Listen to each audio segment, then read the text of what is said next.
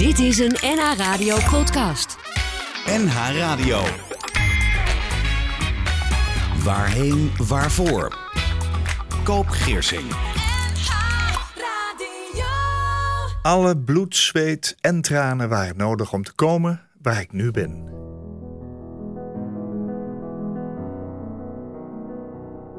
Je luistert naar NH met Waarheen Waarvoor. Ik ben Koop Giersing. Fijn dat je luistert, live of misschien achteraf via de podcast op je eigen tijd. Ook in deze aflevering spreek ik met een gast over leven, over dood, verlies, verdriet. En vandaag ook over groei, over zelfontwikkeling, ontdekkingstochten en over terugkeren naar wie je echt bent. En welke drie liedjes worden gespeeld tijdens de uitvaart en waarom die. Mijn gast ontwikkelde zich van een klein plattelandsmeisje in Nederland tot een internationale business coach voor social impact en een motivational speaker. Ze heeft veel persoonlijke beproevingen overwonnen, van het verlies van haar meervoudig gehandicapte zusje, miskraam van een tweeling, een burn-out en het heeft haar leven en bedrijf volledig omgegooid. En zij heeft het opgebouwd op haar voorwaarden. Ze reisde twee jaar de wereld over en noemde dit haar Return to Self reis. Terug naar jezelf. Een identiteitsreis, terug naar wie zij was na het verlies van dierbaren en ook van zichzelf. Meerte Scheffer. Welkom. Dankjewel. Op het moment van dit gesprek is het precies een maand geleden dat je opa is overleden. Mijn medeleven. Dankjewel. Je gaf aan dat je die gebeurtenis je hele leven met je mee zult dragen. Wat heb jij van hem geleerd, van jouw opa? Ja, ja mijn opa die, uh, was 91 toen hij overleed. Dus had een heel leven achter zich.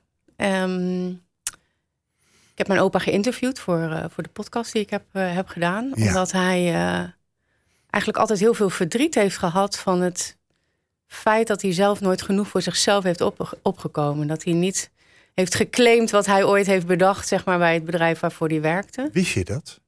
Uh, ik wist dat de afgelopen jaren hebben we veel gesprekken gehad daarover. Ja. Um, ook omdat het ja, voor mij heel natuurlijk is om mensen te interviewen en Ja. te spreken. En voor hem heel fijn was om zich uit te spreken. Dus we, hebben, ja, we, hadden, we hadden een hele goede band uh, daarin. Ja. Ja. Wat heb je van hem geleerd?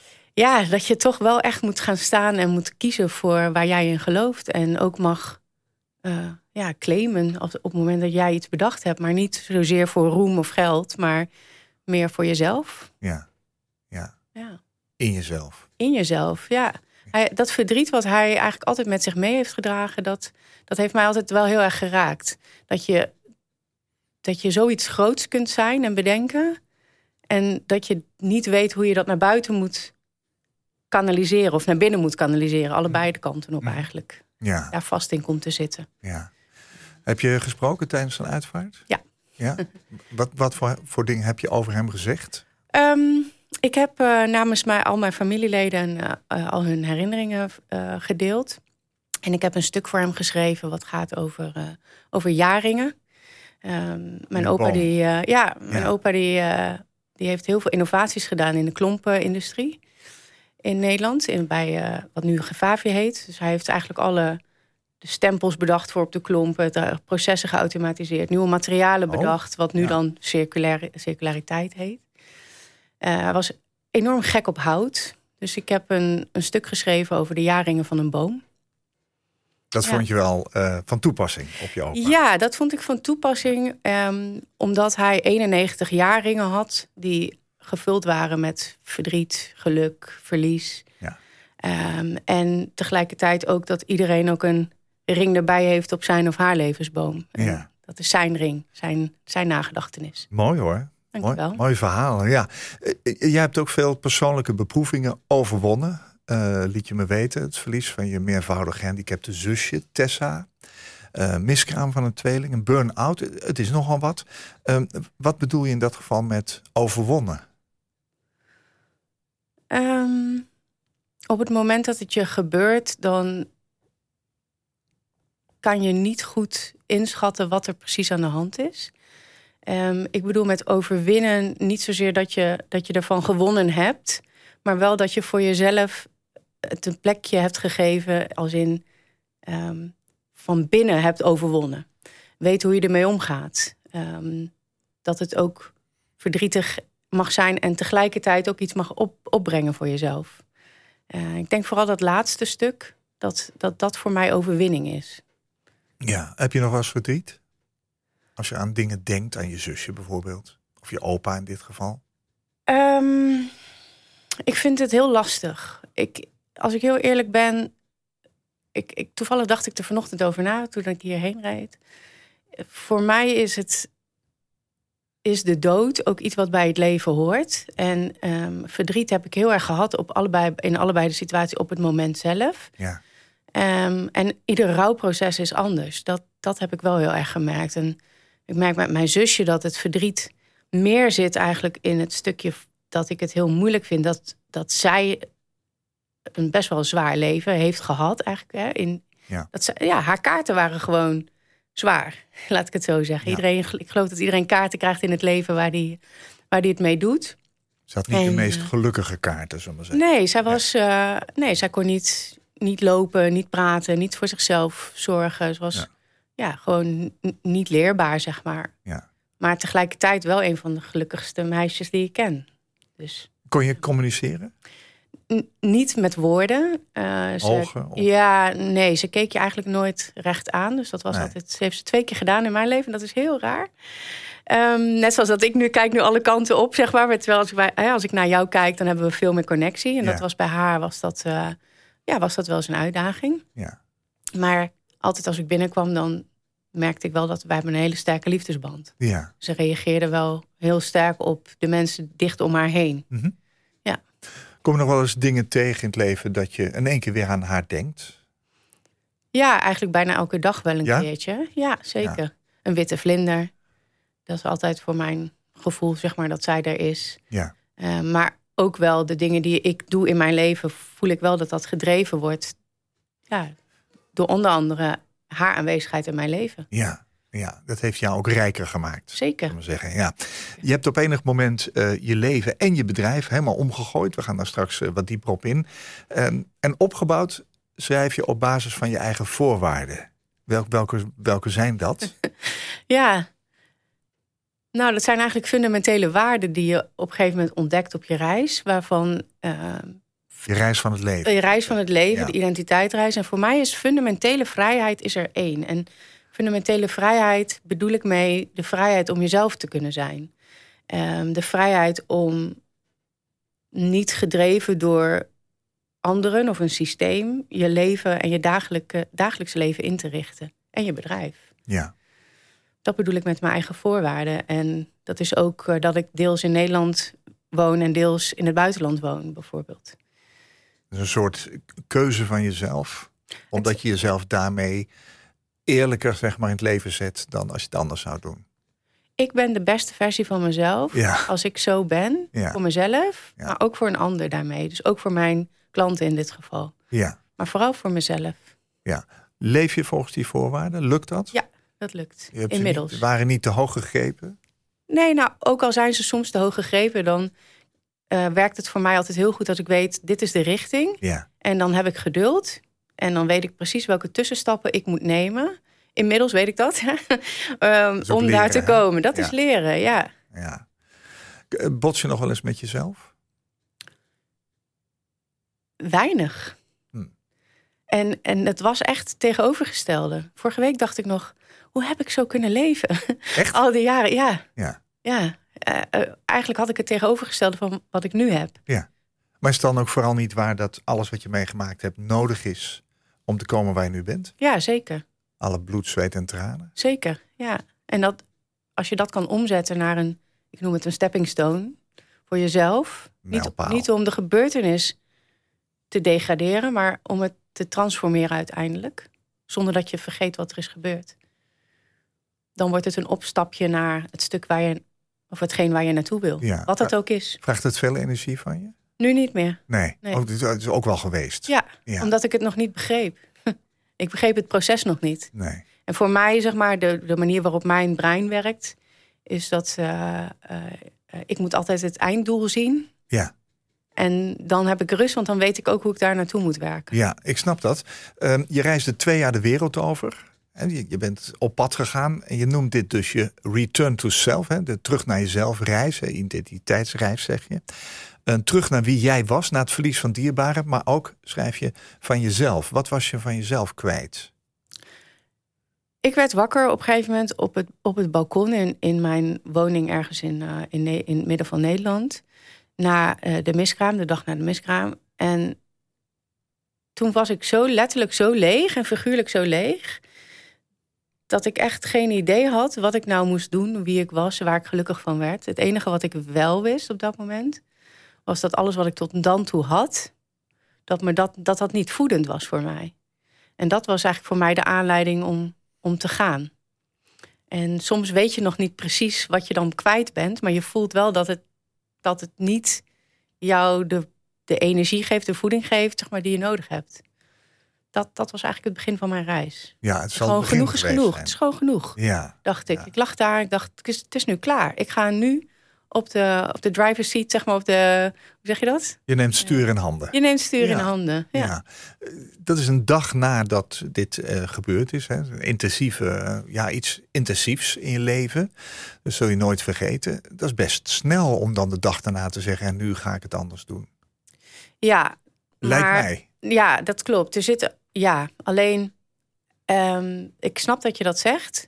En de context die ik daarbij moet geven is dat, dat het al jarenlang voor mij in mijn achterhoofd zat. Van ik, ik wil naar het buitenland. Ik, ik, ik voel dat ik hier niet helemaal happy ben. Weet je, mijn business. Ik, ik, ik ben op mijn 23ste voor mezelf begonnen.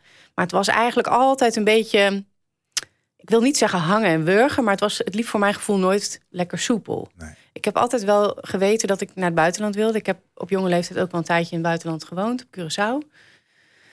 Um, dus dat is uiteindelijk zo'n moment, is een moment, ja, gewoon genoeg is genoeg moment. Zeg maar. Die heeft iedereen een keer in zijn leven. Of dat dan is uh, omdat je, ja, wat voor reden dan ook, zeg maar. En dan komt in één keer alles samen. En dan zit natuurlijk nog wel een tijd tussen uh, dat, dat ervaren, dat denken en het uiteindelijk doen. Daar heeft dan nog een, vijf maanden voor mij tussen gezeten. Ja, ja, ja, dat begrijp ik. Ja, de reis is niet in één dag bedacht. Nee, maar ik ben wel in één keer gegaan.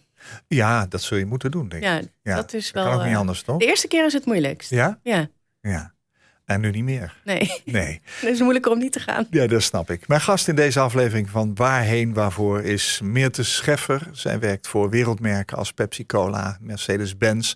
Eh, tot professionele voetbalclubs in Nederland en sociale ondernemingen die zich inzetten voor een betere wereld. Meerte helpt hen een succesvolle sociale onderneming op te zetten om die missie te vergemakkelijken. Meerte, ik lees op jouw website. Toen mijn zusje in 1996 werd geboren, ik was toen elf, veranderde alles voor mij. Maar ik was me nog niet bewust van de impact. Dat zou nog jaren duren. Tessa kon, dat vertelde je net, niet lopen, niet praten, niet voor zichzelf zorgen. Dus was jullie relatie voornamelijk zonder woorden en gevoelsmatig. Zij overleed plotseling.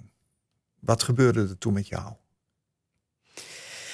Um, wat, er, wat er met mij gebeurde toen zij overleed. Ik, um, ik, ik was in Antwerpen, dus ik was, ik was er niet. Um, buitenland. Ik was in het buitenland, ja, ja again. en uh, ik kreeg een telefoontje. Ik was ik had toevallig mijn telefoon had ik op de hotelkamer laten liggen, want die was aan de oplader. Ik was lekker een krantje aan het lezen beneden. Toen kwam ik boven en toen had ik heel veel gemiste oproepen. En toen dacht ik, nee, dat is niet goed. Nou, toen, toen bleek dus dat zij uh, uh, ja, met spoed naar het ziekenhuis was, was gebracht. En dat ze niet goed wisten wat er nog was op dat moment. Maar wel ja, dat het er niet heel goed uitzag. Nee. Um, zij bleek een hersenstaminfarct te hebben gehad. En nou ja, iets waar jij en ik al behoorlijk van ja, gehandicapt zouden raken, zeg maar. En voor een ja, meisje wat al een behoorlijk zware handicap had, um, ja, was dat, kwam dat er natuurlijk nog bovenop. En dus toen ben ik ja, hals over kop teruggegaan, eigenlijk van Antwerpen naar, naar Zwolle. Nou, die treinreis, dat, was, dat was echt wel een beetje een uh, ja, ik denk dat dat wel een van de ergste momenten uit mijn leven was. Dat Omdat je, je gaat nadenken? Of, of, Ja, en je bent iedere keer aan de telefoon. En uh, oh, ja. hè, dus ik had uh, om de, ja, mijn broertjes aan de telefoon. En nou, die begonnen ook... ja, die werden ook emotioneel. Toen wist ik al van, hij is niet goed. En ja, dan ga je... ja, je, je bent gewoon heel emotioneel. Dus je moet heel erg huilen en Ja. schreeuwen eigenlijk. En, en ja, je zit in een, in een treinwagon, zeg maar.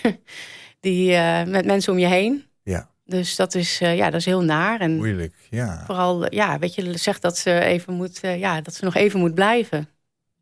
Ja. ja. Wat Dat- trof je aan toen je in Zwolle kwam? Ehm, ik weet dat eigenlijk niet meer zo goed. Was zij overleden? Nee, nog niet. Nee. Volgens mij een kwartier daarna. Dus het was wel. Met erbij geweest? ja, ja. maar ze was, al, ze was al wel. Ja, ze, ze was al niet meer bij zich. Nee, Maar nee. Na haar overlijden voelde je, schrijf je ook opluchting.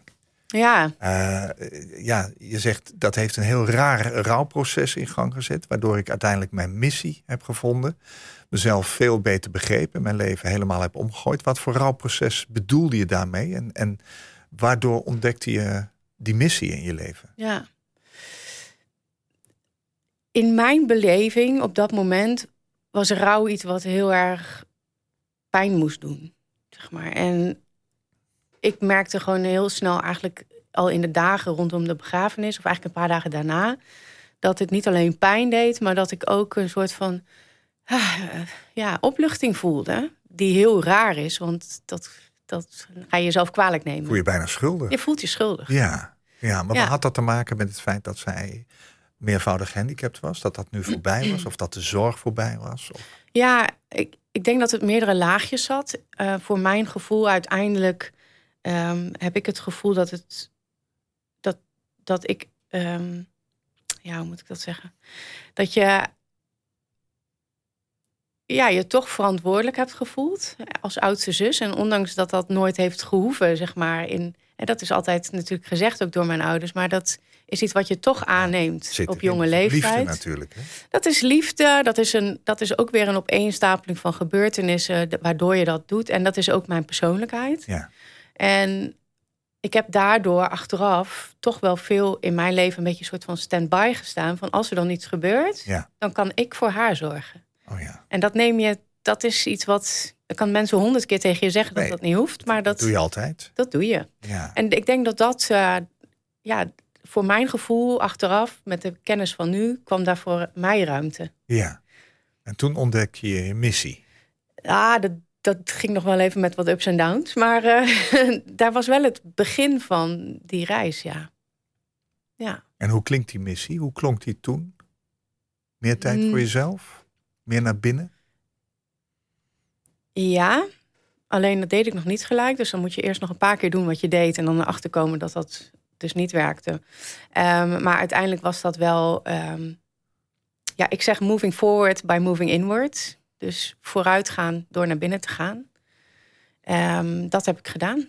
Ja. Twee jaar lang, bijna. Ja. En toen begon die werkelijke reis. Hè? Ja. Dat je op pad ging. Eh, ja, we hebben het er al heel even over gehad. Maar je hebt ook een miskraam gehad van een tweeling. Eh, en je vertelde dat je de dag daarna op je balkon eigenlijk eh, eh, alles overdacht. En daar kwam alles bij elkaar. Klopt dat? Zou je dat zo kunnen zeggen? Ja, dat zou je zo kunnen zeggen. Ja. Je- Hoe lang ben je van slag geweest dat je toch niet een tweeling kreeg? Ja, heel lang. Want dit, dit was een. was, ja, ze noemen het een gemiste miskraam. Dus jouw lichaam geeft eigenlijk aan dat je gewoon zwanger bent.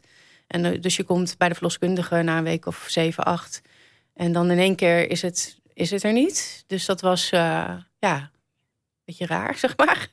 Op zijn zachtst gezegd. Ehm, omdat de, de schok heel groot is. Ja. En eh, dat, dat heeft me wel eh, heel lang bezig gehouden. Omdat je eigenlijk in een paar weken tijd je hele leven eh, twee tot drie keer zeg maar, moet, moet shiften weer. Ja. ja. Het is ook niet niks wat er met je gebeurd is.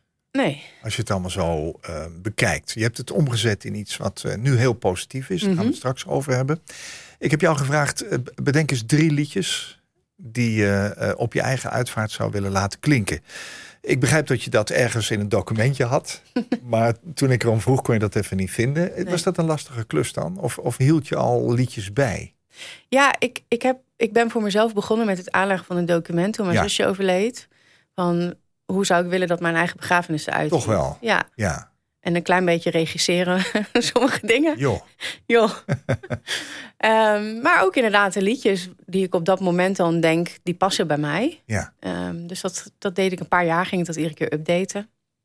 Klinkt misschien een beetje raar, maar het, geeft mij, het gaf mij een fijn gevoel. Ja, dat geloof ik wel. En ik, ik geloof dat heel veel mensen dat doen. Dat heb ik uit deze uitzendingen wel geleerd. Je- jij zegt ja, die drie liedjes, eh, nu sta ik er zo in. Maar het kan best zijn dat ik eh, eh, over een paar jaar of zo het weer anders zie. Maar je hebt er wel drie meegenomen. Laten we de eerste eens even laten horen. Welke is dat? Of moet ik je helpen? En ik denk eh, She Used to Be Mine. Ja. Ja, die gaat wel heel erg over... ehm, die heb ik eigenlijk pas vorig jaar voor het eerst gehoord. Toen ik op Mallorca was. Ik, ik woon veel in Spanje ook. Ja. En toen ik dat nummer hoorde, dat werd, dat werd ja, iemand die, die liet dat horen. Toen raakte die mij zo ge- gelijk. Dat ik mezelf zo herkende daarin. In de tijd dat ik mezelf heel erg kwijt was. Ehm, maar ook tegelijkertijd, dan draait het nummer op een gegeven moment om naar een kracht die je dus van binnen hebt.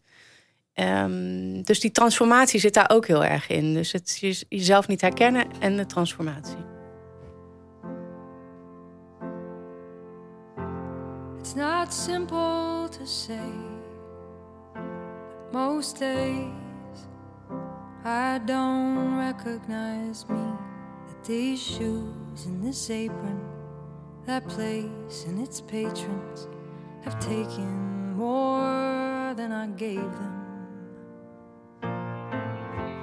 It's not easy to know I'm not anything like I used to be, although it's true. I was never attention's sweet center. I still remember that girl. She's imperfect, but she tries.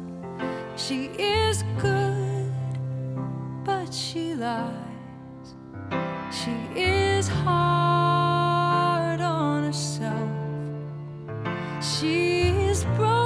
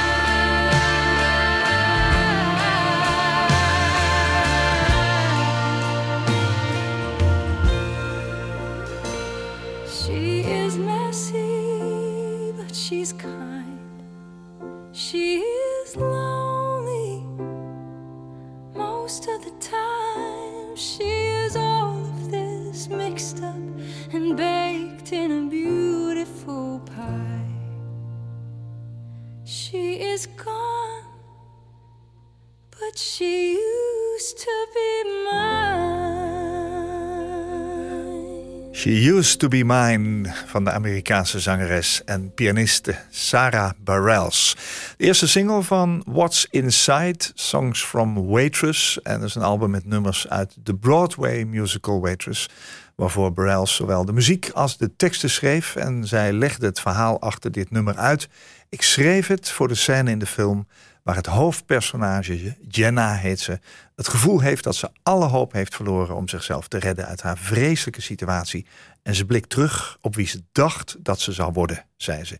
Ik herkende mezelf in haar verhaal en het was het eerste nummer voor de show. Mooi uitgezocht. Dankjewel. Als je dit op je uitvaart draait, is het wel heftig eigenlijk. Ja. Maar het vertelt wel iets over jou, toch? Ja, dat denk ik wel.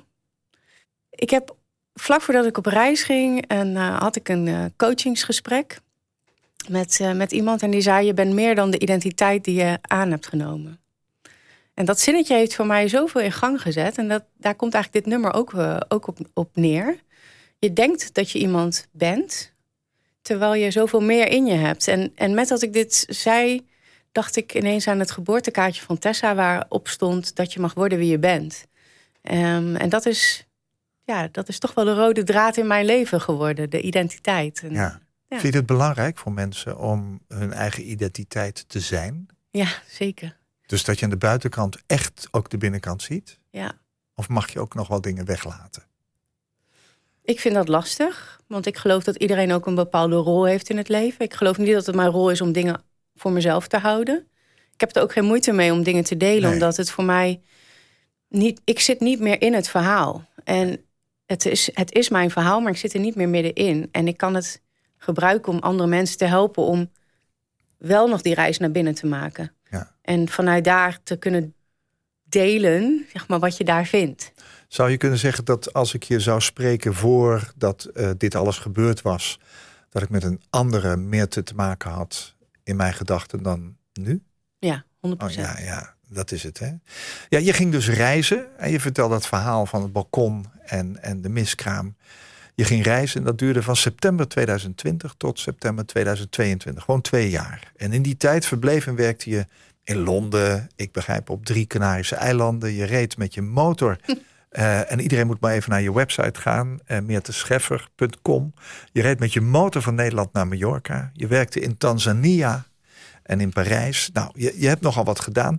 Ehm, je spreekt over een fysieke, emotionele en spirituele reis terug naar mezelf. Wat gebeurde daar? En waarom ging dat zo? Heb je het laten gebeuren of was je heel bewust aan het sturen? Ik heb niet gestuurd in het begin. Wat ik al zei, de eerste, de eerste reis was het eigenlijk het lastigst. Want dan, dan vertrek je uit Nederland. Um, en dan ga je ergens heen en je hebt nog geen idee wat je eigenlijk gaat doen. Um, ik ben toen naar Londen gegaan. Dus ik heb alles in Nederland verkocht. En toen ben ik naar Londen gegaan. En um, ik werd op dat moment ook opgeleid als, als spreker daar.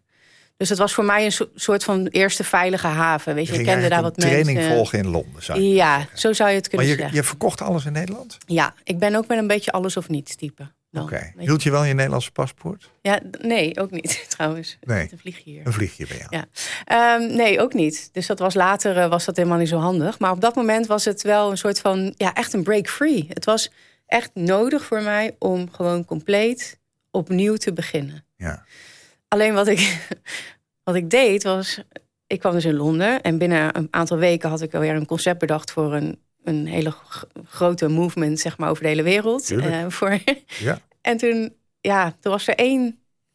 Dus had ik het hele plan klaar. En toen was, had ik een gesprek met de directeur van de Kamer van Koophandel daar. En die zei van, maar welke rol wil je dan zelf spelen in dit bedrijf? En toen dacht ik, nou ja, eigenlijk geen één. Shit, weet je, ik heb gewoon, uh, ja, ander land. Maar ja, same shit, different country, zeg maar. Dat was letterlijk wat ik uh, dacht denk, ja, nu doe ik eigenlijk weer wat ik iedere keer deed. En dat is toch vluchten in het, in het maar bouwen van dingen voor andere mensen. Het bouwen van identiteiten voor een ander. Was het vluchten ook, had het te maken misschien met achterlaten van wat gebeurd was? Of wilde je daarvoor weg zijn? Wilde je er niet aan herinnerd worden? Ik denk dat ik op dat moment wilde ik gewoon niet aan herinnerd worden. Ik was gewoon weg en het was dus in een ander land. Maar ik was nog hetzelfde. Ja. En dat was niet de bedoeling. En toen dacht ik, oké, okay, dat gaan we niet doen. Weet je, dat ene zinnetje heeft voor mij Werd dan weer een Ja. zaadje geplant. werd er weer een zaadje geplant. Ehm, toen ben ik eh, eigenlijk best wel, eh, nou ja, of niet hals over kop, maar ik, ik kan dan wel snel beslissingen ook weer nemen En welke beslissing nam je? eh, om naar Spanje te gaan. En waarom Spanje? Ja, dat is iets wat ik, ik voel me daar heel erg thuis. En eh, dat kwam ook in een aantal coachingsgesprekken voor die tijd eigenlijk naar, naar boven. Een eh, wat spirituele coaching gedaan. En ja, dat voelde voor mij gewoon, dat kwam iedere keer in meditaties terug en in, in, ja, in, in mijn gedachten die ik had. Ik denk, nou, dan ga ik daar naartoe. Dat heb je ook gewoon gedaan. En toen heb ik alle spullen in mijn auto gepakt. Toen ben ik van Londen weer naar Nederland gereden. En binnen 72 uur zat ik in het vliegtuig naar Gran Canaria. Dat was allemaal natuurlijk nog wel in de COVID-tijd. Dus het was eh, allemaal eh, wel volgens de regels. Maar het was allemaal wel eh, ja, precies eh er tussendoor bewegen, zeg maar. Ja. ja. En wat trof je aan daar? Want dan denk je van ik wil naar Spanje. Het is in ieder geval mooi weer, denk ik. Ja, het was heerlijk. Het Ja. was buiten. ehm, de cultuur, de vrijheid, de, de warmte van de zon. Datgene wat je dacht aan te treffen, dat eh, trof je ook aan. Dat trof ik ook aan, ja. Ja. Eh, je reis wordt gekenmerkt door zoeken, maar ook door verdriet en rouw, vreugde, tranen, alles daartussenin. Hè? Ehm, merkte je dat je aan het leren was? Ja. Of, of had je ergens iets van, ik doe dit zoveel maanden en dan ga ik weer terug naar Nederland? Hoe, hoe, hoe zat dat in je hoofd? Ik had dat nog niet in mijn hoofd eh, vastgesteld. Wat ik wel wist is van wat ik ga doen. Ik noemde het eigenlijk mijn eigen Eat, Pray, Love reis. Ken je die film? Nee, Met Julia Roberts. Ehm, moet hem gaan zien, begrijp ja, ik. Ja. en eh, zij gaat is eigenlijk ook na een, na een heftige gebeurtenis op reis... en naar verschillende landen. En zij gaat dan eh, ja, ook op zoek naar zichzelf. Ja.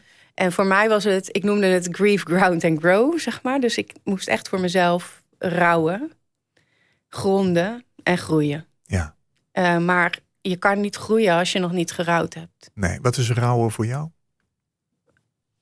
Nou, ik, ik kan je wel meenemen hoe het eruit zag in, eh, in Spanje. Vertel eens. Ehm, in de eerste weken wist ik nog niet zo goed wat ik nou moest doen. Zeg maar, dan liep ik daar maar gewoon een beetje rond. Je was ook alleen. Ik was alleen. Je ja. zocht ook niemand op daar. Nee, nee. En op een gegeven moment liep ik langs de kust. In Gran Canaria was dat nog. En toen zag ik een containerschip zo uit de haven eh, varen. Met allemaal containers erop. En toen dacht ik, hm, wat als nou al mijn... eh, als mijn leven nou ook altijd zo'n zo'n containerschip is. Welke... En al mijn issues zijn één container. Welk, welke heb ik dan allemaal bij me? En die metafoor heb ik verder uitgewerkt. En die zorgde ervoor dat ik heel erg helder kreeg wat ik nou eigenlijk allemaal te doen had op deze reis. Dat ik het kon identificeren, Ja, wat het allemaal, welke verschillende lagen erop zaten. ja. En, en noem eens een paar dingen. Welke containers heb je? Nou, Je geladen? Tessa, miskraam, eh, verliezen, die andere verliezen die ook eh, eh, nog hebben gespeeld eh, tussendoor, zeg maar. Ehm, mezelf, mijn toekomst, de relatie met familie. Oh ja, dat soort dingen. En ik maakte dus de fout om zeg maar, mijn toekomst als bovenste container erop te zetten. En als Waarom je, is dat fout? Nou, ik dacht, als ik dan ga laden en lossen met die container, dan kan je natuurlijk niet die bovenste eraf halen. Want dat is eigenlijk al een te zwaar onderwerp. Want daar ben je nog niet. Nee. Dus dat is ook een beetje mijn advies van, weet je, probeer klein te beginnen bij de dingen waar je al wel bij kunt. Ja. Dus jouw rouw was onder andere dat allemaal in kaart brengen. Ja, als in kaart brengen. Ja. En toen dacht ik ineens gevoelsmatig, dit wil ik doen in de bergen. En toen ben ik naar La Gomera gegaan, dus een ander eiland. En daar eh, woonde ik in mijn eentje in de bergen vier weken. Nou, ja, kijk, die rouwreis was niet zo leuk. Dus ik dacht, ik kies maar gewoon een, go- een mooi decor uit. het Spaanse decor. Maar de rouwreis voor mijzelf, die... Ja, ik, ik heb echt gehuild en geschreeuwd en nachtmerries. En je gaat echt even... eh, ja, ja, je moet door de modder om het goud te vinden. Ja. Heb je ooit behoefte gehad aan een partner in, in die reis? Een vriendin, een vriend, eh, Nee, familie? Je, je hebt het echt helemaal alleen Ja. gedaan. nee, ik heb dat niet. Nee. Ik heb, ik heb wel op een gegeven moment een eh, psycholoog eh, eh, gevonden... die toevallig ook op Mallorca, een Nederlandse vrouw die daar ook zat... Ehm, en die heeft mij op afstand... Ik zeg, ik, ik wil gewoon een aantal vragen van jou... dat je even met me meekijkt aan de zijlijn. Maar ik ben zelf iemand die echt op onderzoek uitgaat. Ik Ja. had daar ook de tijd voor op dat Ja. moment. Ja. Dus je moest wel alleen zijn. Ja, ik wilde het ook.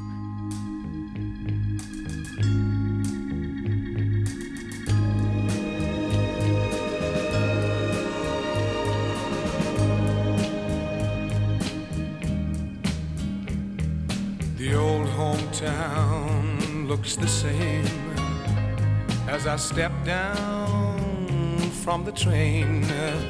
And there to meet me is my mama and papa.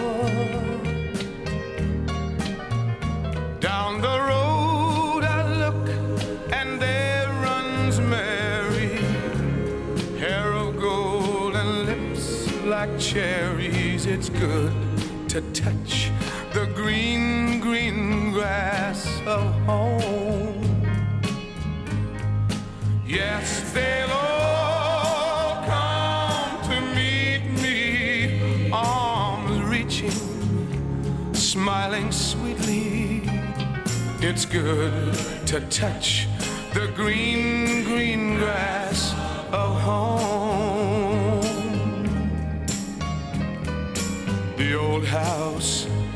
is still standing, though the paint is cracked and dry. And there's that old oak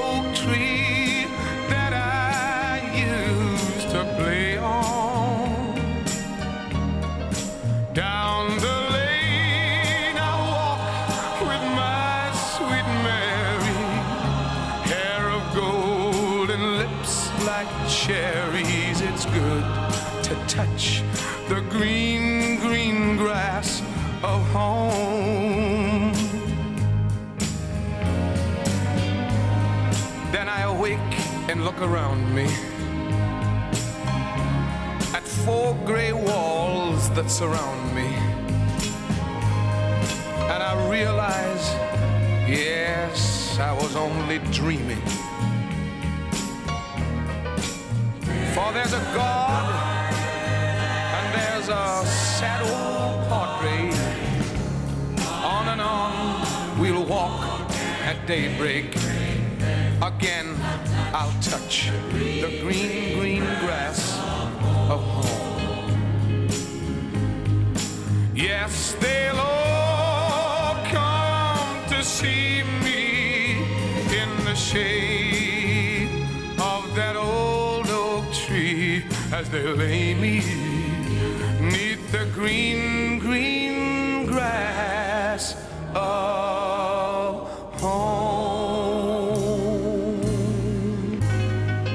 Nashville liedjesschrijver Curly Putnam die schreef het in 1964 en het werd aanvankelijk opgenomen door countryzanger Johnny Durrell.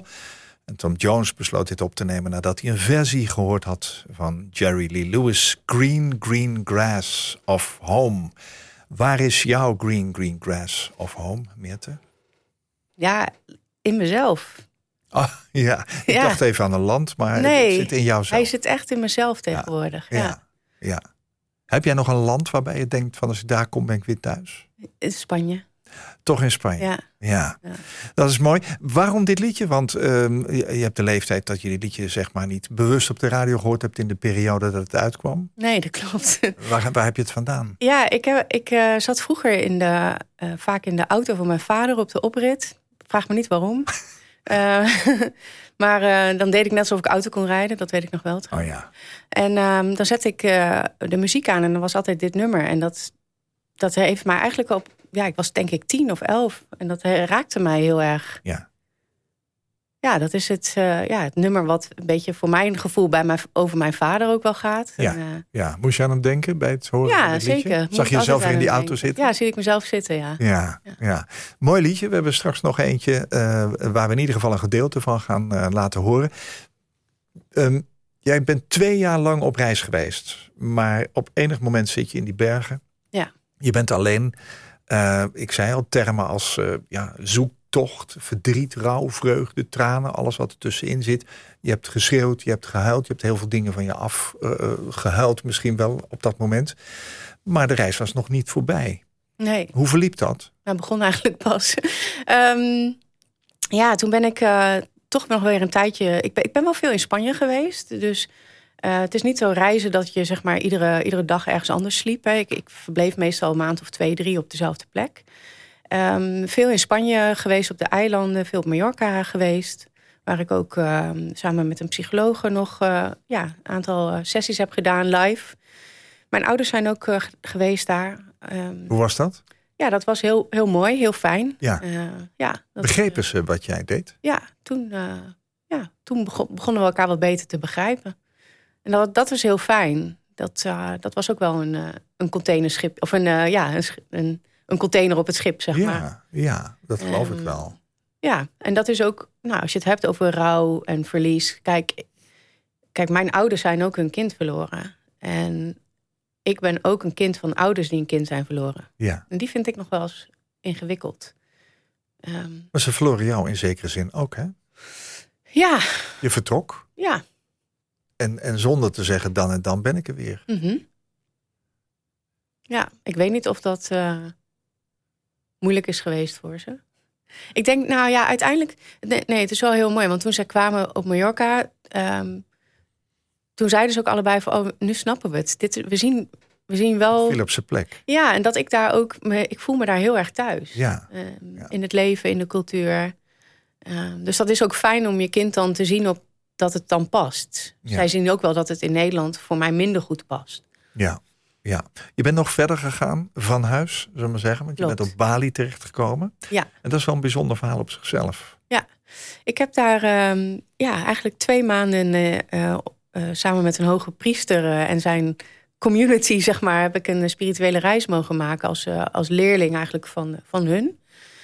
Ehm, ja, dat was heel bijzonder. Waarom ben je dat gaan doen? Ik heb dat altijd wel geweten dat ik dat een keer ging doen. Ook weer gezien in mijn gedachten, zeg maar. Ja, Ehm, en eh, naar Spanje ben ik nog in Tanzania geweest. Heb ik eh, vrijwilligerswerk gedaan. Heb ik een, een stichting daar geholpen. Eh, ik ben nog in Parijs geweest om te spreken. En toen voelde ik van, hey, ehm, nu is het de tijd om naar Bali te gaan. Want het, was het jaar daarvoor was het nog dicht vanwege COVID. Ja. En ineens was het daar. En toen kwam ik, nou ja, zeg maar opeens, tussen aanhalingstekens, in contact met een hoge priester op Bali. Eentje die ook deels uit het bedrijfsleven kwam. Dus die was altijd eh, manager geweest van het, eh, van het Hilton daar in Indonesië. En is eigenlijk pas sinds zes jaar volledig hoge priester. Dus wij, wij begrepen elkaar wel heel goed. Dus de, dat vond ik heel mooi. Dat ik, ik zag ook dat ik daarheen mocht om mij te laten zien wat, welke rol ik heb zeg maar, in, in de missie waar ik het over heb. ja. En dat klinkt misschien een beetje zweverig, maar de, de missie is eigenlijk het ondersteunen en het verder helpen van mensen die, die zich willen inzetten voor een ander. En ik heb daar bepaalde tools voor en kennis. En hij had dat. En ja, dat kwam eigenlijk heel mooi samen daar.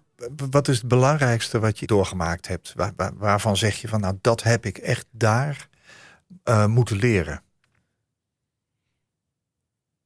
Ehm, wat, ik, wat ik echt heb moeten leren, i- eh, is om, om te vertragen. Dus om gewoon op mijn kont te zitten en met mezelf te zijn. Geduld. Ja, En dat daar eigenlijk.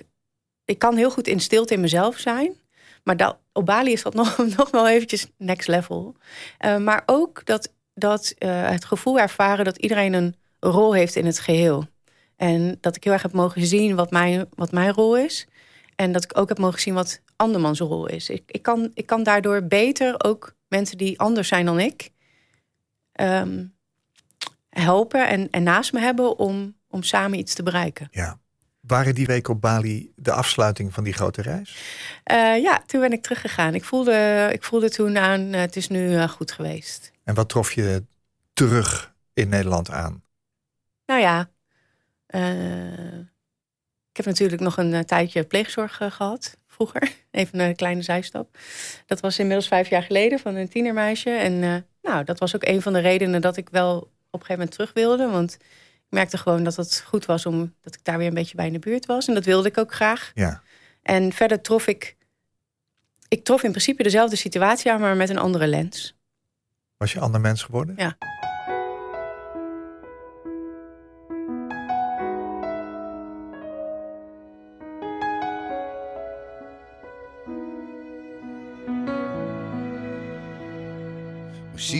Okay, then I'm alright. When she's awake, I'm up all night and nothing really matters. Nothing really matters. I see her face, and in my mind, I seize the day whenever she's nearby. It's like nothing really matters.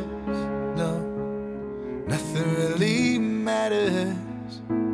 She completes me, side she reads me right and wrong. It's so clear she's all that I need, all I need. Yeah. I know what it feels like. I know what it feels like. Swimming through the stars when I see her. And I don't need it cause I breathe her. I know what it feels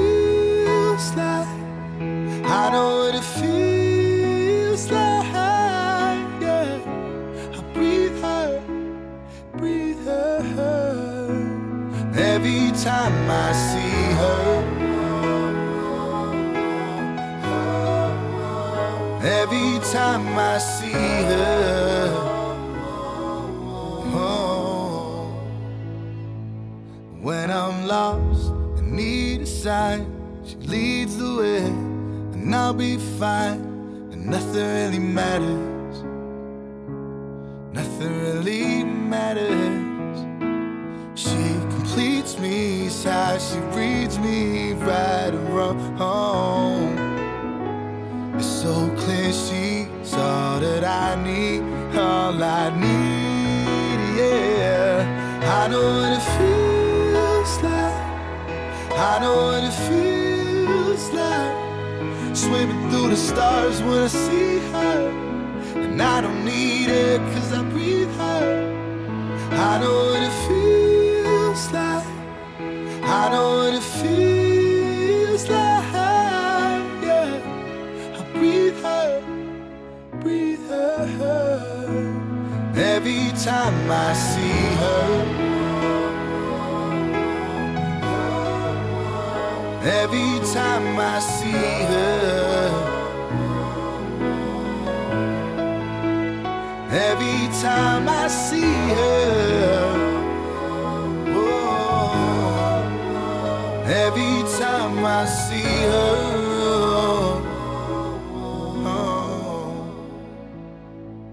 She's okay, then I'm alright. When she's awake, I'm up all night, and nothing really matters.